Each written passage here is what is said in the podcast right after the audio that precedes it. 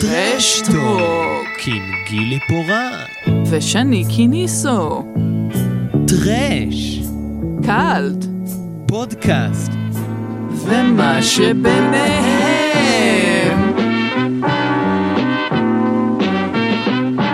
שלום לגילי פורט, שלום שני קיניסו מה שלומך? וואלה אני כבר נמאס לי מה- מהשיחה, סליחה, כן? אני, קשה לי כבר עם מתחילות שיחה האלה. נמאס לך ממני גילי, מה זה? קצת. שני. וואי וואי. אנחנו כבר באיזה פרק, אה, מה? 30 פלוס 30? שזה יתפרסם, לא? 30 משהו, סוף ה-20, לא יודעת. לא יודע, מתי שזה יתפרסם זה יתפרסם, בקיצור. פרק 27 וחצי, אנחנו כבר בפרק 27 אה, זה וחצי. 27 וחצי יצא, וואי. כן, זה פרק ספ... הנה, אז אני אעשה לכם ספוילרים למי שלא זה. אנחנו מקליטים עכשיו אה, פרק ספיישל, פרק בונוס, כי אנחנו כל כך אוהבים אתכם, אה, מאזינים ומאזינות, ו... לגמרי. ורצינו אה, קצת להרחיב את, ה... את הפרק שעשינו על עידה לופינו עם אה, אוהד עמיחי, כי הרגשנו שלא לא התעסקנו בהרבה דברים שהבמאית המדהימה הזאת אה, עשתה. לגמרי, ו... ו- אבל אנחנו עושים את זה גם בגלל משהו עיקרי ומאוד מרגש כן, שקורה בוא, לנו. בוא תספר. אמ, בשמיני לאוגוסט, הפרק הזה יתפרסם אני מניח קצת לפני, אבל אה, בשמיני לאוגוסט אה, מתחילה, מתחיל בסינמטקים, אה, בתל אביב אני יודע שזה בטוח יהיה, לגבי סינמטקים אחרים אני פשוט לא יודע, אבל אני מניח שזה יהיה בעוד סינמטקים. אמ, מתחילה רטרוספקטיבה ראשונה מסוגה בארץ אי פעם לעידה לופינו, ליצירתה הקולנועית. מאוד מרגש. וזה מרגש מאוד, ולנו אה, באמת יש את הכבוד והזכות העצומים, אני, אני לא בציניות, מאוד התרגשתי מזה כשהצלחנו לעשות את זה, לעשות הקדמה לסרט הנהדר של ה Outrage, סרט פורץ דרך. לגמרי. אה, אם בא לכם אה, לבוא לשמוע אותנו מדברים על אה, הפלות ואונס בשנות החמישים, זה ההזדמנות שלכם פשוט לבוא, ובסינמטק תל אביב, כן? כן, כמובן. כמובן. ונעשה קצת רלוונטי לצערנו לארצות הברית. אין מנוס, לצערנו זה כנראה גם בעתיד יהיה רלוונטי, כי נראה שזה רק האצבע הראשונה אה, שהשמרנים לוקחים. כן, לצערנו הרב. אמ, ובכל אופן, אבל זה באמת אה, אירוע מרגש, הביאו לנו לעשות את זה, גם אם יורשה לי, את יודעת, להתרפק עוד על הכיף כן. הזה שאנחנו עושים את זה, הביאו לנו באמת לעשות את זה אחרי הסרט באמת הכי מעניין שלה אולי, תמטית. זאת אומרת, כי את יודעת, את הטרמפיסט, אה, מי שמכיר, כאילו סיניפילים, גם אם הם לא בקי- אה, בקיאים בכל הפילמוגרפיה של לופינו, הטרמפיסט זה סרט שמכירים, הוא אייקון, זה נחשב הפילים נוער היחיד, דיברנו על זה בהרחבה בפרק שלו, אבל רק נזכיר, נחשב הפילים נוער היחיד שבוים בזמן אמת על ידי אישה, זאת אומרת, זה סרט שהוא... כן, וגם יחסית קרוב לתקופה של, ה, של הסיפור שזה מבוסס עליו. נכון, זה מבוסס על סיפור אמיתי של רוצח סדרתי שהיה אז. אמ, זאת אומרת, אה, אז זה, אז זה אין ספק, אני חושב, שגם את לא תחלקי איתי, או שכן, ואז... ואז. ריב. כן, אה, שזה, שזה באמת הסרט הכי טוב של לופינו ופסגת העשייה הקולנועית אבל שלה. אין, אין ספק ש Outrage הכי מעניין, והוא גם נוגע בנושאים, נראה לי בנושאים הכי קשים פחות או יותר, ש, שזעקו גם היום וגם אז. לחלוטין, ותראי, אני חושב שזה כאילו, זה בדיוק גם מה שבאתי להגיד, את יודעת שאולי... אמ, אה, הטרמפיסט זה יצירת המופת של לופינו, זאת אומרת, הסרט גם, את יודעת שהשיא היצירתי שלה מגיע בו הכי לגדולה. אבל את יודעת, כמו עם הרבה מאוד במאיות ובמאים אחרים, דווקא הסרטים שעושים לפני, או הסרטים שעושים יותר בשוליים, אה, של הפילמוגרפיה שלהם, או כאלה שפשוט פחות התייחסו אליהם, וגם היום פחות, הם בדרך כלל הרבה יותר מעניינים, ואפשר למצוא בהם אה, דברים מרתקים. לגמרי, היה הזדמנות באמת לעשות אה, יותר קרקס ולבחון יותר אמצעים אומנותיים של קולנוע, או להתעסק בתכנים שהם קצת יותר שערורייתיים. אתה יודע, כל הדברים הכיפים האלה שאנחנו אוהבים. נכון, ובאמת, אה, אם נחזור לנושא של הפרק הזה, אה, פרק אה, שאמור להיות קצר מהרגיל, וזה בסדר, זה פרק קצר מהרגיל. כן. אתם לא צריכים לשמוע אותנו עכשיו 50 דקות. בדיוק, מסכנים מה שנקרא, סתם. בכל אופן, הפרק הזה יוקדש לעשייה הטלוויזיונית של לידה לופינו. אה, תעש- אה, אה, ורק נגיד, העשייה הטלוויזיונית ענפה מאוד. וואו, אין לי, אין לי, זה אפילו מתעסק ב... צמצמנו את זה לחמישה נראה לי, פחות או יותר דברים. גג, וזה אפילו ארבע. לא מייצג. וזה, זה לא מייצג בשום צורה. הבחורה הייתה פשוט powerhouse של, של עשייה טלוויזיונית וקולנועית, ואין לי מושג מאיפה היה לה את כל האנרגיות לדברים האלה. הלוואי על כולנו. לגמרי, תראי, כאילו, ממש Energizer, אין שום דרך אחרת לתאר את זה. כן, אומרת, תשוקה בוערת מבפנים. וגם חשוב להגיד, את יודעת, היא עשתה את כל הדברים האלה באותם שנים שהיא גם יצרה את ה features שלה. זאת נכון, אומרת, זה לא שהיא עכשיו עושה את זה בנפרד, כן? הכל קורה באותו זמן, לא, זה כזה. פי, זה במקביל, פיצ'ר ופרק טלוויזיה, ולהתארח אה, באלו הם חיי פה, וכאילו... ו- ובנוסף לזה, עוד פעם, אנחנו מזכירים, חשוב להזכיר, זאת אומרת, בנוסף לזה, לא רק שהיא מביימת, היא עוד גם מככבת, בין לבין היא עוד מככבת בסרטים, היא הרי התחילה ככוכבת קולנוע. כן, היא גם משחקת. אני לא מבינה, אני באמת לא מבינה את מה, מה זאת הולך אומרת, שם. יש פה שלוש דברים שלא מובן איך האישה הזאת עשתה בו זמנית, זה קצת כמו פאסבינדר, אתה לא... אתה היה לה. עוד חיים גם חוץ מהעבודה שלה, כן? כן, הייתה נשואה, כאילו, משפחה. יופי, יופי, יופי, תרסי. לכולנו, פמיניזם גם כן, פה, בדיוק. אז אה, זהו, גילי, כפי שאת אמרת, בחרנו להתמקד בחמיש. א' כל פרק ראשון שאנחנו מתעסקים בו בטלוויזיה. נכון, מדהים, בעיניי. מדהים בוא, לגמרי. בוא, בוא נצלול לזה קצת, אתה מרשה לי? בוודאי. אנחנו, אנחנו פתוחים לרעיון של גם קצת לעשות טלוויזיה בפודקאסט הזה? לדעתי כן. אוקיי. את יודעת, זה צריך להיות בהגדרות מאוד אה, מסוימות, בסדר. אבל לדעתי טוב, כן. אז יופי, כן. לגמרי. יאללה, תמשיך. אז כמו, ש, כמו שאמרנו, בחרנו חמישה פרקים מסדרות טלוויזיה שונות שהיא עשתה. Uh, בהקשר של טלוויזיה, את יודעת, לפני שאנחנו צוללים לעידה לופינו עצמה, חשוב מאוד uh, לומר עד כמה הטלוויזיה אומנם הייתה מדיום פופולרי, אבל כפי שאת שמה לב, אני בכוונה משתמש במילה מדיום ולא במילה אומנות. ההתייחסות אל טלוויזיה אז, ב-50's, עדיין לא הייתה כאל איזשהו אמצעי אומנותי. תראה, יש, יש שיגידו שגם היום, אה, טוב, אולי... לא, קצת- היום זה כבר- לא, היום זה כבר בונטון, ואין ספק שהתקציבים לגמרי זורמים לטלוויזיה, ו- ו... ומדבר... אבל עדיין משתמשים במונחים של קולנוע, נכון? אומרים, זה, זה סדרה קולנועית, לגמרי. או כזה. אנחנו עדיין שרויים בזה שטלוויזיה היא, היא מדיום זבל כזה יותר, ו... ויותר זול, למרות שזה כבר לא נכון בהרבה הרבה מובנים.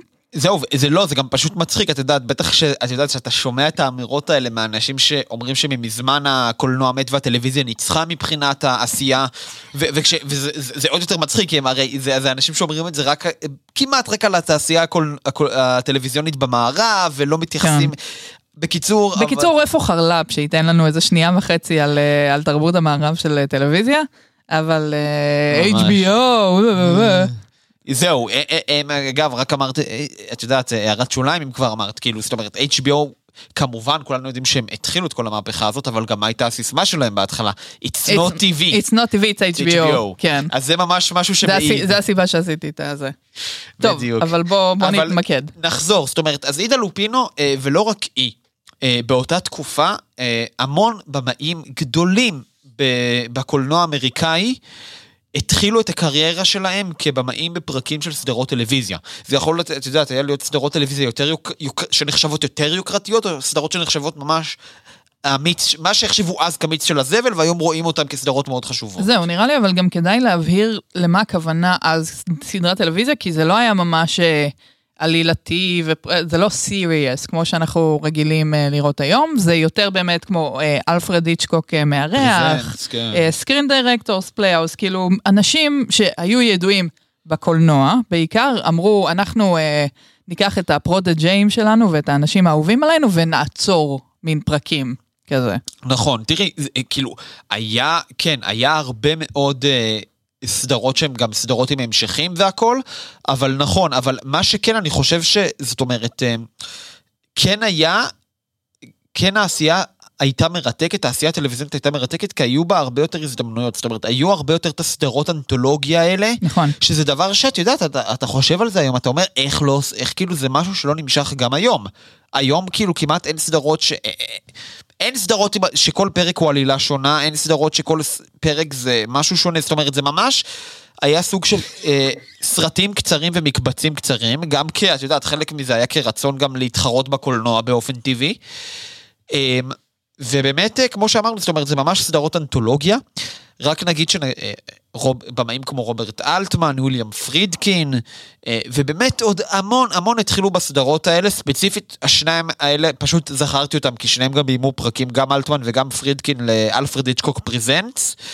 אבל זאת אומרת, אה, כן, זה ממש המון במאים חשובים אה, גם התחילו שם אז. ובאמת Screen Directors Playhouse, אלפרד היצ'קוק Presents, אזור הדמדומים בכלל, שזה אולי הסדרה שנחשבת הכי איקונית בסוגה הזאת. כן, גם כולם סדרות אנתולוגיה. גם לאזור הדמדומים וגם לאלפרד היצ'קוק היו אה, תקופות revival, כזה היה את המקור שזה שודר בו, ואחרי זה, ברגע שגילו את זה, לכאורה הם חידשו אותם לכאילו עונות חדשות במרווח. נכון, רק נזכיר גם שנגיד אה, אזור הדמדומים היה לזה רימייק של סרט קולנוע. כן. באייטיז, והסדרה עצמה גם חודשה באייטיז, וגם בשנים, בשלוש, ארבע שנים האחרונות יש גרסה חדשה לאזור הדמדומים. אה, זאת אומרת, אה, כן, זה, זה, זה חוזר כזה, אבל... אבל תכף ניגע יותר בהרחבה באזור הדמדומים, אבל אנחנו נתחיל את זה כרונולוגית. אופה. את העניין הזה. הופה. וכמו שאת הזכרת, ראשון, הפרק הראשון שנעסוק בו נקרא Number 5 Checked Out. שזה פרק 16 בתוך Screen Directors Playhouse. אגב, אה, כל, כל מה שאנחנו נציין אה, בפרק הזה קיים באינטרנט, ביוטיוב, בדיילי מושן, נשים לכם לינקים אם אתם רוצים. לגמרי. אה, נשים לכם לינקים, ואנחנו מתחילים כרונולוגית, אבל במידה מסוימת אנחנו גם מתחילים ממה שהוא, לדעתי, הסרט, זה ממש סוג של סרט קצר, רק נגיד Screen Directors Playhouse זה ממש היה אה, שהביאו במאי קולנוע מוכרים מאותה תקופה, חלקם זכורים, גם היום חלקם לא זכורים כמעט בכלל כבר. אה, והראו את זה בפתיח, אתה זוכר. כן, כן, בדיוק. אוקיי. לא, לא, וממש רואים בפתיח, נגיד, גם של לידה לופינו, שהרי היה איזשהו קו מנחה לכל הדברים. באלפרד היצ'קוק פרזנס, אלפרד היצ'קוק עושה את ההקדמה ועושה את הסיום. נכון. פה זה פשוט היה, וזה, וזה מה שהופך את זה להרבה יותר מעניין, פשוט איזשהו קריין, אותו קריין קבוע שמקריין את הבמאים שבאים לעשות את הסרט, רואים את הבמאי אה, כאילו מדריך את הצלמים ואת התאורנים על הסט מה לעשות, ואז מתחילים בפרק, שזה ממש סדרה של סרטים קצרים בהרבה כן, מאוד מובנים. לגמרי. אה, אז זה המסגרת הזאתי. ועכשיו, נאמבר 5 צ'קט אאוט, את יודעת, אם אנחנו באמת צריכים להתחיל אה, אה, ולדבר על זה, עידה לופינו גם אה, בעצם כתבה לזה את הסוג של הדראפט ראשון של תסריט, ואז עבדה על זה עם עוד תסריטאי פחות מוכר, אבל זה ממש סוג של, את יודעת, אם את שואלת אותי, ממש הצד השני של אותו מטבע של הטרמפיסט. וגם אני אגיד למה. אה, זאת אומרת, אה, רק נגיד... אתה רוצה תקציר קודם? זהו, קודם נעשה תקציר. זהו, תקציר של משהו של 25 דקות זה כזה מין אה, זה, אבל בעיקרון יש לנו אישה צעירה חירשת. חירשת. שהיא כזה בעימות... אישה, אישה צעירה. יש רימוט כזה, נכון? זה יש... סוג של מוטל כזה, כן. זה סוג של מוטל, אבל הוא מקום מרוחק כזה, וזה הריזורט. בערים כזה, כן. כן, קאבינס כזה. כן, קאבינס כזה. אמ, שהיא מנהלת אותו, זה מקום שהוא של אבא שלה, רואים אותו בפתיחה גם. כן. אמ, מקום של אבא שלה שהיא מנהלת אותו כי הוא צריך לנסוע לאיזה חופשה או לאיזה נסיעת עבודה כזאת או אחרת. ויש חבורה של נבלים. ואז מגיעים איזה שניים להשתכן במוטל הזה. לאט לאט אנחנו מגלים שהם מבוקשים על אה, שוד ועל רצח שהשתב... שנעשה תוך כדי שוד שהשתבש. ומה שבעצם קורה שם זה ש... וויליאם טלמן, שגם משחק בתפקיד, בתפקיד של הרוצח בטר, בטרמפיסט. אה, שני הנבלים רק נגיד, אוקיי, עוד פעם, שני הנבלים, אחד משחק אותם וויליאם טלמן, שהוא מי ששיחק את התפקיד הראשון, את התפקיד הראשי, סליחה, בטרמפיסט. והנבל השני משחק אותו לא פחות, חברים וחברות, מפיטר לורי. וואי, פיטר לורי. מדהים. שזה כמובן רק נזכיר, הנבל האולטימטיבי של אותה תקופה, פילמוגרפיה עשירה ביותר שמתחילה ב-M של פריץ לנג בגרמניה. אה, עוד תפקידים מוכרים שלו, הכי מוכר, הוא עשה בקזבלנקה גם את התפקיד של הנבל, אה, זאת אומרת, ויש לו עוד המון. אה, וגם, אגב, אחת הדמויות החשובות, אנחנו נעסוק בזה בסרטים אחרים בעתיד, אבל גם אחת הדמויות המרכזיות בבי מובי, המוביז ובטרש האמריקאי של אותה תקופה. כן. I can handle the truth. בדיוק, כן. אה, ובתפקיד הראשי משחקת אה, תרזה רייט, שהיא גם שחקנית נהדרת, אה, שיחקה בתפקיד הראשי בצל של ספק של איצ'קוק מ-43, זאת אומרת, ממש שחקנית נהדרת ומכובדת, והיא גם שיחקה במיסיס מיניבר, זאת אומרת, שחקנית מדהימה. והם משחקים את ה... מה שנקרא את השלישייה הזאת של ה... מרובת המתחים הקיומיים, כי זה מה שקורה בסיפור הזה. אה, ולמה אמרתי בהתחלה שזה הצד השני של אותו מטבע של הטרמפיסט? מכיוון שגם פה עידה לופינו אה, דוחסת סיטואציה שהיא מאוד מאוד מלחיצה לתוך לוקיישן קטן, צר, צפוף מלהכיל. גם כשהם יוצאים לטיולים בערים, זה לא באמת אה, מרגיש... לא, את לא מרגישה שאת במרחבים פתוחים עכשיו, ובמרחבים של חופש ובמרחבים של... זה מרגיש שהיא ממש זורחת בסיטואציות כאלה. זה מין, אה, זה קצת כזה אה, מחזאי כזה, או אורקסטרי כזה, אבל יש בזה, בסיטואציה הזאת של מעט שחקנים במקום צפוף, סיטואר... אפשר להוציא מזה מלא דברים. כאילו בצורה בימויית, אנחנו רואים את זה גם בסליחה שאני אגיד את השם של מישהו שאתה כנראה הולך לשנוא. לא, הכל בסדר, מי. אבל אה, וס אנדרסון עשה מזה קריירה. כן. אם זה בשוקרות. לגמרי, ו... תראי, זה מאוד מאוד מעניין מה שקורה שם, כי בגלל, אה, זאת אומרת, אה, מה ש... את יודעת, בסרטי טלוויזיה הטובים האלה של אותה תקופה, ואני לא מדבר, היו גם אז, את יודעת, כל מיני אה, מחזות טלוויזיה שחלקם הוקלטו בלייב לפני קהל, וכל מיני סרטים, את יודעת, שהם, שהיה להם זמן נרחב, זאת אומרת, שעתיים וחצי, שלוש, והיו רואים את זה. אבל דווקא ב... בסדרות האלה, שאת יודעת, בסופו של דבר, מבחינת, את יודעת, אם אנחנו מסתכל, מסתכלים על הטלוויזיה באותה תקופה ועל ראשי ומנהלי הטלוויזיה, מסתכלים על הטלוויזיה בצורה עסקית, mm-hmm. ו... והם צריכים למלא זמן של 25 דקות, ואני לא יודע מתי זה היה משודר, אנחנו רק יכולים לתאר לעצמנו שזה בטח היה משודר בשעות אולי פחות אטרקטיביות, סדרה מהסוג הזה. נשמע מאוד הגיוני. אמ, אבל כך או כך עדיין צריך למלא פילרים, גם אם זה אחר הצהריים או בלילה, עדיין צריך למלא כל מיני... אמ, צריך למלא את הזמן. אמ, ודווקא המגבלות האלה, ועוד כמובן יש פרסומות, כן? שלא יהיה כן. איזה הבנה. דווקא המגבלות האלה מבמאים שהם באמת uh, טובים ומצליחים, יודעים לעבוד בתנאים כאלה, זה יכול להוציא ממש יצירות מופת קטנות. זה גם המקרה לדעתי עם הפרק הזה. אני מסכימה, זה גם מאוד uh, כיף פתאום לקחת במאים שעובדים באמת ב... טוב, ברגע שאנחנו מדברים על פילם, אז הם מראש רגילים לעבוד ב, כאילו בקצבים קצרים, כי צריך להחליף גלגלים וכאלה, אבל לקחת במאים שרגילים לעבוד בשעה, שעה וחצי, נגיד גג כזה, ולדחוס אותם למשהו הרבה יותר קצר, זה יכול להוציא דברים מדהימים. גם פתחתי את, ה, את העמוד של הסרט במובי כזה, אה, ואני רואה שיש פה את, אה, זה העלה את ורטיגו גם, ואת הנדמיידן של פארק צ'אן ווק, ואני כזה, ברור, מדהים, ברור, איך לא? כמובן, ו, ולא, וגם תראי, זה... מה שקורה פה, אמ, את יודעת, כמו שאמרת, בגלל שבפיצ'ר זה לוקח, יש לה יותר את הזמן ויש לה יותר את הזמן גם לבחון את המרחב, ככה גם כל מיני עניינים שאת יודעת, הם יותר פסיכולוגיים בתסריט, או יותר... אה, כזה דברי שטח כאלה. בדברי שטח, אתה צריך לדחוס אותם עוד פעם, הרבה יותר במהירות. מה שקורה פה, זה שפשוט יש פה מלבד חוויה, את יודעת, ברמת החוויה הקולנועית המיידית, שהיא באמת, היא מאוד מאוד אינטנסיבית בפרק הזה. כי רק נגיד, הדמות של וויליאם טלמן אה, מתאהבת. בדמות שלה, של תרזה רייט, בדמות של החירשת, זאת אומרת, וגם לוקח, אה, אה, לוקח להם זמן להבין, ממש, אה, לוקח לו זמן להבין שהיא חירשת גם, ומה היא כן, ש... ו, ו, ו, ממש לוקח לו זמן והוא גם בוחן כמה פעמים כמה היא חירשת, אם היא באמת חירשת וכמה כן. היא לא. יש כל מיני רפליקות שמתייחסות לזה. כן, תכף ניגע בזה, אבל, אבל הוא, הוא מתאהב בה בעוד הדמות של פיטר לוריק כהרגלו, כי זה הדמות שהוא לשחק, הוא פשוט לא חלאה שכזה, כן. טוב, תהרוג אותה, מה, מה יקרה? עוד קורבן לדרך, מה קרה?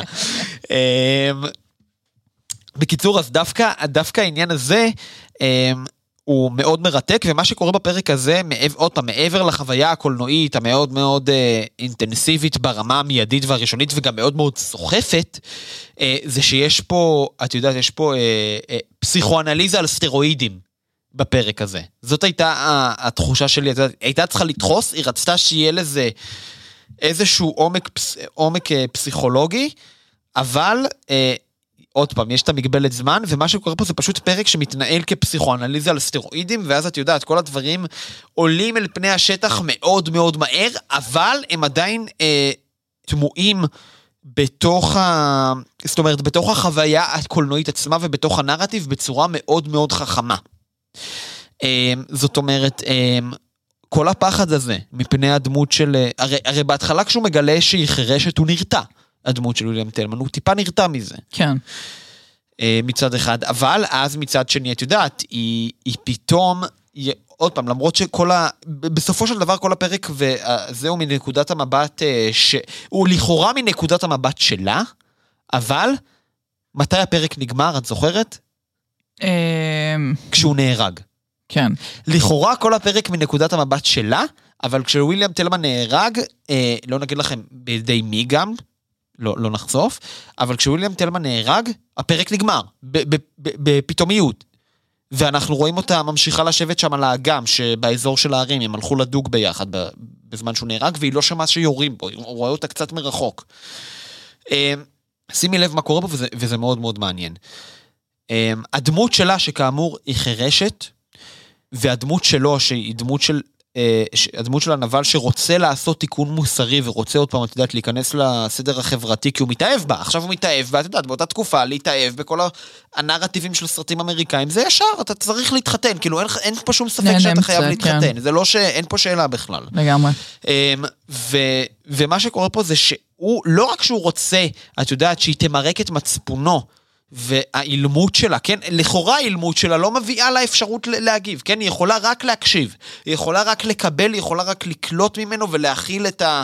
ולבחור אם להכיל או לא להכיל בתוכה את, את הצער שלו ואת הייסורי מצפון שלו על מה שהוא עשה. אמ, היא בוחרת שכן, ו... אבל עידה לופינו, עוד פעם, היא, את יודעת, הרבה פעמים מתווכחים כמה היא פמיניסטית, לא פמיניסטית, תכף ניגע בזה, ויכוחים העקרים האלה, הלא חשובים בשום דבר. אוי, זה כזה, אין- אה, אין אין לי כוח לאנשים שפשוט מבטלים, או או באותה מידה נוסחים על אנשים פמיניסטים, כאילו, הבחורה כאילו... פרצה דרך. ה- פרצה דרך. האישה, כאילו, גם הפמיניזם היה אז בגל מאוד מאוד ספציפי, כאילו, אני לא יודעת אם היא הייתה בהכרח מזדהה עם הפמיניזם של אז. כן, היא הייתה הרבה יותר אה, חלוצה ממה שהיה הפמיניזם באותו זמן. נכון, אבל רגע, רק כדי לסיים את, ה... לסיים את הניתוח הזה, כן. אז, אז את יודעת, עוד פעם, אה, נחזור רגע לסצנה הזאת, עוד פעם, היא יכולה, כמו שאמרנו, אה, להכיל אותו, לקלוט אותו, זאת אומרת, היא לא צריכה לדבר בכלל. אה, בגלל שהיא חירשת, היא לא יכול, כאילו לא יכולה לדבר. כן. לא שומעת, אז, אז, הוא, אז היא יכולה רק להכיל אותו. מהמם. זאת אומרת, ו- וזה מה שהיא עושה, היא בוחרת להכיל אותו ואת ה... וכאילו, להשתמש בשתיקה שלה, אה, במוגבלות שלה יותר נכון, אה, כאיזשהו מקום שהוא ממלא, זאת אומרת, מקום שהוא מכיל אותו. אבל לידה לופינו עושה פה, עושה את הסוף הזה עם חיים קשים. כי לא רק, ש, כי לא רק שבסוף אנחנו מגלים שהממזרה הזאתי, ממזרתה. התלה בנו בסצנה הראשונה שחשבנו, היי, אוקיי, הכל מהנקודת מבט של הדמות שלה, שהיא מאוד מעניינת, זאת אומרת, בחורה חירשת. לא, לא. בסוף, אמ, זאת אומרת, אמ, לא רק שהיא לא יכולה להכיל, לא רק שלא מסוגלת להכיל אותו כי היא לא שומעת שיורים בו, והיא לא שומעת שהוא כזה טיפה זועק אליה. אין פה מירוק, אין פה מירוק אה, מוחלט של מצפון, זאת אומרת, תראי מה היא עושה. היא אומרת, הנה אישה, אוקיי, היא לא יכולה לדבר, היא לא יכולה להגיב כאילו באמצעים לשוניים, מילוליים, שאנחנו אה, רגילים אה, באמצעות השפה המסורתית הרגילה, שהקולנוע האמריקאי אז לא היה בו שום אפשרות לדבר אחר אז, ובכלל. אה, אבל היא גם לא תהיה, אה, היא, היא, גם לא תהיה המירוק מצפון של הגבר הזה. מהמם. זאת אומרת, היא לא תשמע שהוא נורא, היא לא תשמע שהוא קורא לה, המצ... המחילה לא תבוא ממנה. וזה סוף, את יודעת, שאם אנחנו מסתכלים עליו היום ובאמת עושים לו את הניתוח עומק הזה, מאוד מאוד רדיקלי ומאוד מאוד מרתק מהבחינה הזאת. וזה בין הסיבות למה זה הופך אותו, את יודעת, למשהו בעיניי הפרק הכי מרתק והיצירה הטלוויזיונית שאולי השיא שלה, מבחינתי לפחות. באותה מידה זה יכול ללכת באמת לכיוונים של, של גזלייטינג, או יותר על להאשים, כאילו להאשים אותה, ו, ולא. ואיידה בחרה סוף הרבה יותר מעניין מהבחינה הזאת. בחרה סוף מרתק, וגם סוף מאוד אניגמטי, זאת אומרת, זה ממש נגמר ככה. כן. ואז אה, שעולות כתוביות סיום. עולות כתוביות, כן. כן, זאת אומרת, זה ממש נגמר בלי, ה... בלי האפשרות הזאת, את יודעת. לאיזה שנייה רציתי להגיד אה, עולה איצ'קוק, אבל לא, זה לא ה... לא, ממש לא, זה הכי נגד. איצ'קוק הדבר כן. הזה. אה, זה גם איזשהו, את יודעת, זה גם, אה, בהרבה מאוד מובנים זה להשתמש בפסיכואנליזה המשעממת הקלאסית הזאת של פרויד, ומאוד להפעיל את זה פתאום כנגד. כן. אה, זאת אומרת, את יודעת, את יודעת, אנחנו גם יכולים לקשר את זה ללקן, כן? כי הוא רואה בה כאילו היא לא יכולה להגיב לו, אז הוא רואה בה את, השל, את איזושהי שלמות שהוא מייחל לה, לא משנה, אבל זה כבר, את יודעת, סתם... אה, סתם לזרוק על זה קצת. לא, גם עכשיו כאילו, על פניו סתם זרקתי על זה קצת, כן? אבל זה כאילו, זה, זה מאוד אה, גם יכול להיות שם. מפה נעבור ל-1960, לפרק שהיא ביימה, היא כן, לא. לא ציינו את השנה, אבל סקנדר אקטור, לא, נאמבר 5 היה 56. ב-56. כן. אלפרד היצ'קוק פרזנטס, 1960, עוד עוד- סדרת אנתולוגיה. אה, עונה 6, פרק 16, A Crime for Mothers. אה, נכון, אה, A Crime for Mothers וסיביליה, זה שני הפרקים. אלה שני הפרקים, אה, סיביליה היה פרק 10, את זה אני אגיד. כן. אם אם- משנה משהו. סיביליה, אני אגיד לך, משני, מתוך שני הפרקים האלה בעיניי סיביליה הוא העדיף פי כמה בצורה כן. משמעותית. לגמרי. טראבל, אה, איך קוראים לזה? A Mothers. Crime for Mothers אה, הוא... פשע לאימהות? איך תתרגם את זה? זהו, זה נשמע כמו איזה אימא סדרתית של אה, ג'ון ווטרס וזה. אה, אה, פשע קטלני, אימא, פשע קטלני, כן. לגמרי, ו... אה, בכל אופן, אה, אז זה פרק שהוא, הפשע לאימהות זה באמת פרק אה, בעיניי משמעותית פחות טוב, גם בבימוי, גם בתסריט, זה פרק פשוט עשייה פחות טובה של לידה לופינו, קורה. אה, מה לעשות, לכל במאי קורה. היה צריך להכניס גם איזה פרק אחד כזה, שלא תחשבו שהיא במאית אה, סופר לא, פשוט אני אומר, פשוט, פשוט רק נגיד שהוא קיים, אבל נרחיב על סיביליה, כי הוא באמת הרבה יותר מעניין. עדיף להרחיב על הדברים היותר טובים שלו, לדעתי, בסדר, כן, במקרה הזה. סיביליה זה גם, זה, את יודעת, זה בעיניי מאוד ממשיך את התמה של נאמבר 5 checked out. כי גם פה העלילה עוסקת בבעל ואישה ש... שהם קצת אה, לא לא ממש מאושרים ביחד, והבעל אה, מפנטז להרוג את אשתו. נכון, הבעל זה אלכסנדר אה, סקורבי, והאישה היא ברברה בל גדס. לא, לא שחקנים מוכרים, לא לדאוג. לא לדאוג, כן. בקיצור, אז הוא ממש מתעד ביומן שלה, נכון? כן. אה, כזה, איך לרצוח אותה. איך עכשיו, לרצוח אותה. עכשיו עוד פעם, אני- לכאורה, את יודעת, הנה עלילת היצ'קוק קלאסית בסדרה לאיץ' של היצ'קוק. כן. אממה, על פניו, את יודעת, אמ, אין לו שום סיבה לרצוח אותה. כי, חוץ מזה שהוא לא מאושר. כן, הוא לא מאושר, אבל למה הוא לא מאושר? כי היא מושלמת. אוי אוי אוי. היא מושלמת, אני לא צוחק איתכם, אה, חברות וחברים, אתם מוזמנים לצפות בפרק. היא, בגדול, הוא רוצה לרצוח אותה, כי, כי, כי היא רק מקבלת אותו, ורק, ו, ו, וכל דבר שהוא עושה, היא לא מתנגדת ועושה, בצ... כמו אישה כנועה צייתנית, שהיא החלום של כל גבר אמריקאי אז, וכנראה גם של רבים היום. בסדר, זה מאוד אבל חתרני ורדיקלי ל- להכיר ב- בחוסר שלמות הזה. לא, לא, זה מאוד חתרני ורדיקלי. באיידל קומפניאן. נכון, ובסוף כשהיא מתה, הוא, הוא, הוא לא רוצח אותה. אגב, היא מתה מאיזה מחלה בסוף. אה, ובסוף כשהיא מתה, היא, היא בעצם, זאת אומרת, את יודעת, הוא כאילו שמח על זה, והוא גם, גם חשב, רק נגיד, הוא חשב שבהתחלה היא עלתה על ה... על הרצון שלו לרצוח אותה, ו- ושהיא עשתה לו, הוא רצה להרעיל אותה, ואז הוא, ו- ואז הוא חשב שבגלל, שבגלל זה היא, היא, היא מתכננת לרצוח אותו כנקמה, וזה לא קורה בסוף, והוא כאמור הכל תיעד ביומן, והוא חשב שהיא ראתה את זה ביומן שלו. אמ, ואז, אמ, לפני שהיא מתה, הוא שואל אותה אם היא ראתה את היומן, ממש שנייה לפני שהיא מתה, ואז כאמור היא מתה. אמ, ואז אחרי שהיא מתה ואחרי שיש את ההלוויה והכל, הוא, הוא, הוא מבין שהוא לא יכול בלעדיה. זאת אומרת, הוא, הוא מבין שהוא אהב אותה. והוא מתחרט שזה, שזאת הייתה השאלה האחרונה שהוא שאל אותה. הוא כזה מזל דגים, באמת. איזה שטות גילי תגיד הפעם. אה, לא, אבל הוא ממש, אה, יש, יש דרישה של אה, כזה, תגישי את הארוחות בזמן מאוד ספציפי, ואל תיכנסי לי לחדר עבודה, ודברים כאלה שהם מאוד ג- כזה גבולות. אני בן אדם שמאוד חשוב לי גבולות, ומאוד חשוב לי הסדר של איך דברים קורים. אה, ואז בשנייה שכאילו, שלא מסתדר לו, שעוד מישהו אה, מסתדר עם, עם הגבולות שלו, פתאום זה מערער אותו. נכון. עכשיו, לא רק שזה מערער אותו, הסוף ממחיש עוד יותר עד כמה הוא בן אדם עלוב ואומלל.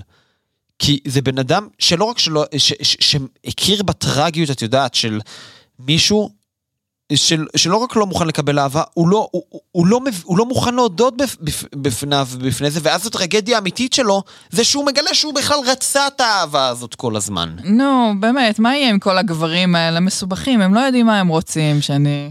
גברים, גברים, גברים גברים שק של נחשים. ממש. אז אה, טוב, זה הפרק שבאלפרד היצ'קוק פרזנט. אנחנו קצת דילגנו עליהם. אה, עכשיו נגיד, בניגוד ל Number 5 Checked Out, זה פרקים שטיפה נדבר עליהם יותר בקלילות, כי הם פשוט מאוד קצרים. וכאילו- תראה, אנחנו כבר ב-32 דקות, אתה רוצה שזה יהיה פרק של 50 דקות, פרק של 30 דקות? מה, איפה אתה? לא, חצי יאללה. פרק, זה בונוס, שני, שני, תתרכז. קדימה, בונוס, אז קדימה. אלפרד היצ'קוק Presents היינו. לראות את סיבילה, את סיבילה, סליחה, לראות את סיבילה. כן, פרק 10. אמ, נכון, אה, את רוצה לדבר על, על הפרק של Thriller? אני לא ראיתי אותו. אני לא לא הספקתי לראות ראית את אותו. הפרק של סבילר. אפשר לדלג ישר ל Twilight Zone אם את רוצה. אפשר לדבר על זה בקטנה. אוקיי, אז רק נגיד Thriller, אה, הפרק הבא הוא יצא בסדרה Thriller, אה, גם סדרת אנתולוגיה, בהנחייתו ובאירוחו של בוריס קרלוף, לא פחות ולא יותר, תקשיבי, באמת, מדהים, זה פשוט מדהים לעשות את זה ככה, שזה, שבוריס קרלוף מנחה דבר כזה, זה פשוט נהדר. אה, וגם שם, שם עידה לופינו כבר ביימה איזה עשרה פרקים, זה גם סדרת אנתולוגיה, כל פרק עלילה שונה לגמרי, אבל שם היא ביימה כבר המון המון פרקים. אנחנו נתמקד בפרק שנקרא The Bride Who Died Twice. כן. ואני לא הספקתי לראות אותו, אז בבקשה גילי. לגמרי, אז uh, זה טרילר uh, של בוריס קרלוף, בוריס קרלוף גם משחק בפרק הזה. Uh, עונה 2, פרק 25, נכון? כן. Uh, the, the Bride Who Died Twice, אני אקריא לכם שנייה את התקציר. Uh, in, La- in a Latin American country, a sinister colonel forced the governor's daughter to marry him, but she dies on their wedding night. Or הופה. does she? תראה, נכנס קצת. נכנסים אלמנטים של אימה, יש פה... על טבעי, אז אנחנו לא, נשארים עדיין בגזרת ה... היחסים אה, בין המינים. היחסים בין המינים, המשפחה, אה, גם על כזה ממש על הוורד של אחרי, אחרי חתונה, אבל פה אנחנו נכנסים לעולמות קצת יותר אפלים. אה, לעולמות שמעבר. ש... ומה, גילי, מה חשבת על הפרק? מה, את אה, ממליצה קודם למאזיננו? כל, אני, אני כן אגיד שהוא אה, קצת יותר ארוך משאר הפרקים. כן, עד- 50 דקות. כן, הוא 50 דקות, עד כה דיברנו על פרקים שהם באזור ה-20... פחות מחצי שעה. פחות מחצי שעה, ויש גם אה, באמת אה, קומ, קומיק אה, גופס כזה של, אה, של איצ'קוק אה, לפני ואחרי. אז לא, פה באנו לעבוד, אה, 50 דקות פרק, זה גם מאפשר לה רוחב יריעה הרבה יותר גדול, אה, גם לעבוד נראה לי עם בוריס קרלוף, כ- שהוא גם האוצר של זה וגם משחק בפרק, יש בזה משהו סופר מגניב, מדהים, גם שחקן מדהים, מת עליו. לגמרי. אמ, מה עוד? אה, העובדה שזה גם קורה במקסיקו, כאילו זה מאפשר לה לחקור קצת יותר את הצד הזה של, של מהגרים, הגירה, איפה זה תופס אותם בגבול. אבל מבחינת כאילו אה, עשייה ובימוי, איך, איפה, איך, איך כאילו היית מגדירה את ה... תראה, אה, זה קצת, אה, יש לזה וייב עם רומאו ויוליה כזה, אה, גרסת מקסיקו, אבל...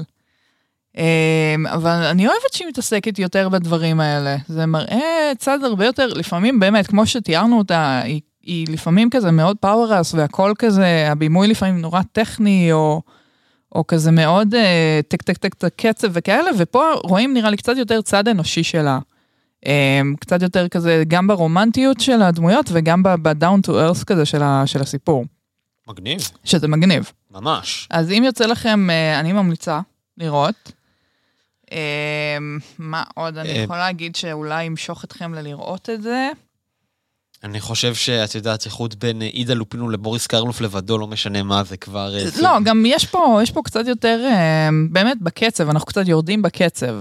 זה משהו הרבה יותר נחמד לראות את זה, שב-50 דקות היא כאילו, אפשר אה, לפתוח סיפור בצורה הרבה יותר, לא, לא לתקתק פתאום, אנחנו חייבים להספיק דברים, אלא אפשר לראות יותר התפתחות דמויות כזה, אה, יותר לנשום, כזה גם מבחינת תסריט, שזה לא היה התסריט שלה, אה, אה, והיא התעסקה יותר על הבימוי. נהדר, מגניב. אז אה, ממליצה. אז זה באמת מאוד מעניין, כי רוב הסרטים שהיא הייתה בהם, היא גם הייתה שותפה לכתיבה של התסריט, ופה פתאום את יודעת שהיא לא שותפה בכלל, זה מעניין. מאוד מאוד נכון. מעניין. כי דיברנו על זה בפרק הקודם, אה, שהיא התייחסה על עצמה קצת בתור אה, במאי- במ- במאית... אה, מקצוענית. מקצוענית, מקצוענית כאילו. ו- ו- ואתה פשוט, אתה רואה את זה בעיניים שלהם, אתה מבין כמה זה כאילו לא, פשוט לא נכון, שהיא פשוט הייתה אמנית. ועותרת. מי, ש- אבל מי, זה- מי שרוצה היה- עותרת, היא הייתה עותרת. אתה יודע, כל אחד וה, והפרדיקציות שלו למה זה אומנות ומה זה בימוי ואיפה זה תופס אותה. כן. בסדר, לא רצית להגדיר את עצמך ככה, אבל זה מה שאת תדע. נכון? אה, ונגיע לסדרה באמת האיקונית מכולם שהיא ביימה לפרק, והיא גם הייתה האישה היחידה שביימה שם פרק. אה, נראה לי גם הזכרנו את זה בקצרה בפרק הקודם. נכון. Twilight Zone, באמת אזור אזור- הדמדומים. אזור הדמדומים, אה, עונה 5, פרק 25, נקרא The Masks. יצא לך להשלים את זה, ראית? בוודאי, זה ראיתי כמובן, אוקיי, ראיתי יאללה. מזמן. אבל לשמוע. רגע, בוודאי, אבל רגע, אני רק, את יודעת, רק באמת חשוב להזכיר, כי זה, זה באמת לא עוד סדרה, אזור הדמדומים. אה, לא. אנחנו מדברים, רק נגיד באמת בקצרה, סדרה אייקונית שעד, שהשפיעה בצורה... היא לא רק על הטלוויזיה, גם על הקולנוע, ובכלל על התרבות הפופולרית, השפיעה בצורה של ממש סוג של רעידת אדמה. על כל הז'אנר הזה, את יודעת, של אימה, מדע בדיוני ופנטזיה. ו, וזאת אומרת, סדרה שיצר אותה רק נגיד רוד סרלינג, שהוא בעצמו אחד ה... לא רק בגלל אזור הדמדומים, בעיקר בגללה, כי זה מפעל חייו בהרבה מאוד מובנים, אבל הוא גם כתב תסריטים להרבה סרטי טלוויזיה מאוד חשובים, זאת אומרת, דמות שבאמת שינתה, אה, את יודעת, את, ה, את, ה, את הטלוויזיה, את התפיסה של מה זה טלוויזיה ומה היא צריכה להיות בארצות הברית. אגב, הוא מהראשונים, שתדעי לך, שכבר בזמן אמת, דיבר על, הטל... על, על, על הפוטנציאל של טלוויזיה ככלי אומנותי. וניסה או. בזמן אמת לשכנע גם את מנהלי הערוצים, אני חושב שזו סדרה ששודרה ב-CBS, אזור הדמדומים, וגם את הספונסרים. בפוטנציאל העצום של טלוויזיה יכולה לעצור בתחומה, זאת אומרת באמת בן אדם באמת מרשים ויוצא דופן. נגיד שבתחילת כל פרק ובסופו הוא גם עושה איזושהי מעין הקדמה כזאת שנהפכה למאוד מאוד מזוהה איתו ועשו לה הרבה פרודות ומחוות במהלך השנים. ובאמת אה, הפרק של אה, רק, אה, ובקשר לידה לופינו נגיד שהיא היא שיחקה כבר בעונה הראשונה בפרק השלישי או הרביעי אם אני זוכר נכון. אחד הפרקים המשובחים של אה, אזור הדמדומים. אה, נשים את הפרק, ב- את השם של הפרק בפייסבוק, כן. אני לא זוכר כרגע, אבל פרק שהיא משחקת בו, זה ממש, אה, היא רק משחקת בו, בתפקיד הראשי, ממש פרק של שדרות סאנסט גרסת אה, אזור הדמדומים. לא אגיד יותר מזה, פרק מדהים. הפרק שהיא ביימה הוא קצת פחות טוב לצערי, אבל הוא עדיין מאוד מאוד מעניין. אתה מדבר על The 16 מילימטר שריין. בדיוק, כן. כן. זה הפרק שהיא שיחקה בו בעונה הראשונה. כן. הפרק שהיא, שהיא, הם, אה, שהיא ביימה זה המסכות, כאמ- כאמור. כן, The Masks. The Masks, אה, נגיד הפרק, אה, גם יש לו אלמנטים של אימה בצורה כזה או אחרת. ועל טבעי. כן. הפרק, אגב, כולו מתרחש בניו אורלינס בזמן המרדי גריי, אמר דיגרה. המרדי גרא, סליחה, אה, בזמן המרדי גרא, אה, החג, החג המדהים הזה, מי שלא מכיר, והוא כן, קרניבלים. מסכות. אה, כל לא, ה- גם ממש קרנבל של מוות, כאילו, זאת אומרת, כן? כן. כן. שחוגג את זה, כן? זה לא משהו אבל, כן? זה ממש חגיגות. ובקיצור, משפחה שהאב שם כבר בגסיסה מתקדמת, מכנס בעצם את ילדיו, ומתחיל להתעלל בהם לפני שהוא מת, בקשר מי יירש מה וכמה ומתי. אתה חושב שג'ורדון פיל לקח מזה אה, עצות? אני בטוח שכן, בטח את יודעת שגם הוא עומד מאחורי האזור הדמדומים החדש, כן. של השנים האחרונות. אה, איזה יופי.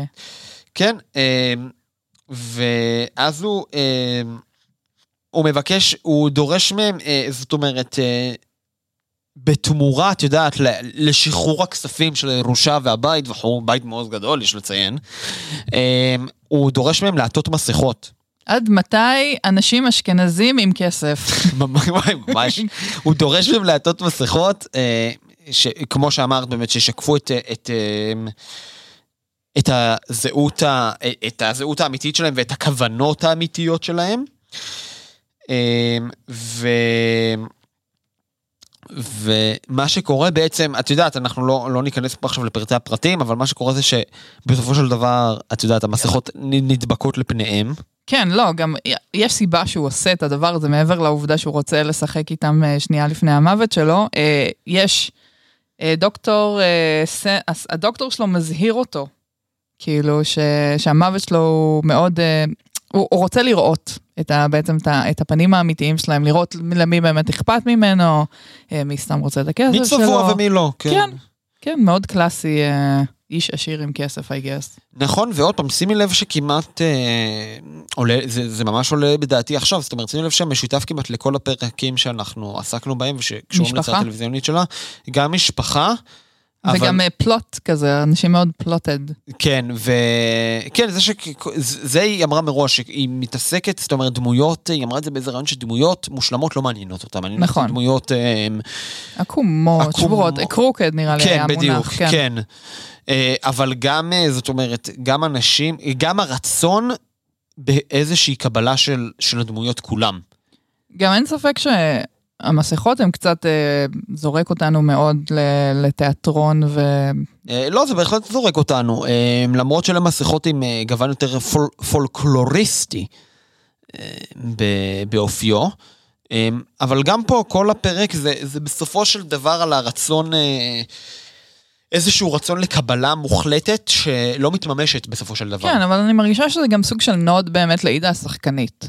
באיזשהו מקום, שהיא, שהיא רצתה גם להיות איתם שם, חוץ מלביים את זה. כן, לגמרי. אמ, אז אלה ההמלצות שלנו על, אה, על, על פרקי הטלוויזיה של לידה לופינו. כן, צפינו בהרבה יותר, ובחרנו את זה במיוחד בשבילכם, שתדעו.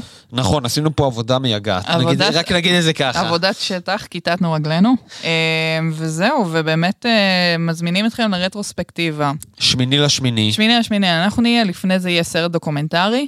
לא, הסרט דוקומנטרי. הוא אה, לא- שיוקרן, לא, לא אצלנו, יוקרן אה, יום אחר. בסדר, אז אנחנו פותחים את הרטרוספקטיבה בדיוק, ככה. עם Outrage, תבואו, נרים מסיבה של אה, אונס והפלות. לא, תקשיבי, תקשיבי, זה גם הזמן לסגור פה חשבון, עם- עם כל הכבוד. אה? אנשים שטענו בפניי, בפני מישהו מקיבוץ חור בעוטף עזה, שקשה להם להגיע להרצליה, וגם לי אין רישיון, הנה אני כבר אה, חושף פה את כל הדברים, את כל האמת כן, המרה עד אם, הסוף. אם שני מצליח לגרור את עצמו כל פעם לפה, לאולפן בית אריאלה, לפחות פעם בשבוע, השבוע זה עזבי אפילו... הרצליה. השבוע זה פעמיים בשבוע, הוא גורר את עצמו להרצליה לפחות פעם בחודש, יש חודשים שפעמיים, נכון. אז אה, מה שנקרא, אין תירוצים. אין תירוצים לא אין. לבוא לסינמטק תל אביב, פשוט תשכחו, אין. תשכחו מזה, לא מקבלים שום תירוץ, אפילו מי אם... שלא מגיעים, מחוקים. אפילו, אפילו אם אתם בבית חולים גוססים וזה, זה לא תירוץ. זה לא תירוץ. עיד- עידה לופינו נאנסה ועשתה הפלה בשביל הסרט הזה. וואו, וואו, לא, לא, לא, לא צריך. אה, זה. אה, אבל כן, אין תירוצים ותעלו בזום אפילו, מה אכפת לי. אה, זום זה בתכנון. סתם, סתם. Uh, טוב, אז בכל מקרה תבואו פרק בונוס מיוחד, ויאללה, נתראה בסינמטק תל אביב, אבל גם גילי בסינמטק הרצליה. להרצאות הגבוהות שאנחנו מצפים ממכם מאוד. אה, אולי זה, זה בא. הזדמנות באמת לפרסם, אני משערת שכבר אה, תדעו את זה בתחילת אה, אוגוסט, אבל אה, ב-31 לחודש. ב-31 אה, באוגוסט אנחנו עושים הקרנה מהממת של באדי דאבל, בריאן דה פלמה. מה שנקרא תעתועי גוף. סרט שאני אפילו לא רוצה להתחיל לדבר עליו, כי יש כל כך הרבה מה. השימוש הכי מדהים במקדחה בקולנוע אי פעם. כן, מעבר אה, למסקר, לפרק שאנחנו עשינו עם מקדחה, נכון, שזה כן. גם שימוש מדהים. שזה גם שימוש מדהים, ורק נגיד שאורח, מישהו נהפך להיות האורח הקבוע עד כה של אה, אה, פודקאסט רשטוק, יהיה איתנו בלייב גם, שמוליק דובדבני. שמוליק מגיע? שמוליק מגיע, איזה כיף. דבר איתנו על דה פלמה. זהו, ובתקווה נצליח אה, להקליט אה, פרק על דה פלמה. אה, ממש אה, לפני, נקליט, לקראת. נקליט. אנחנו נקליט, זה יקרה, די. אין עומס, הכל טוב. הכל בסדר. אה, טוב, אז תודה רבה גילי, תודה שני. ויאללה, גם בפרק הבונוס, ירדנה ארזי תסגור אותנו.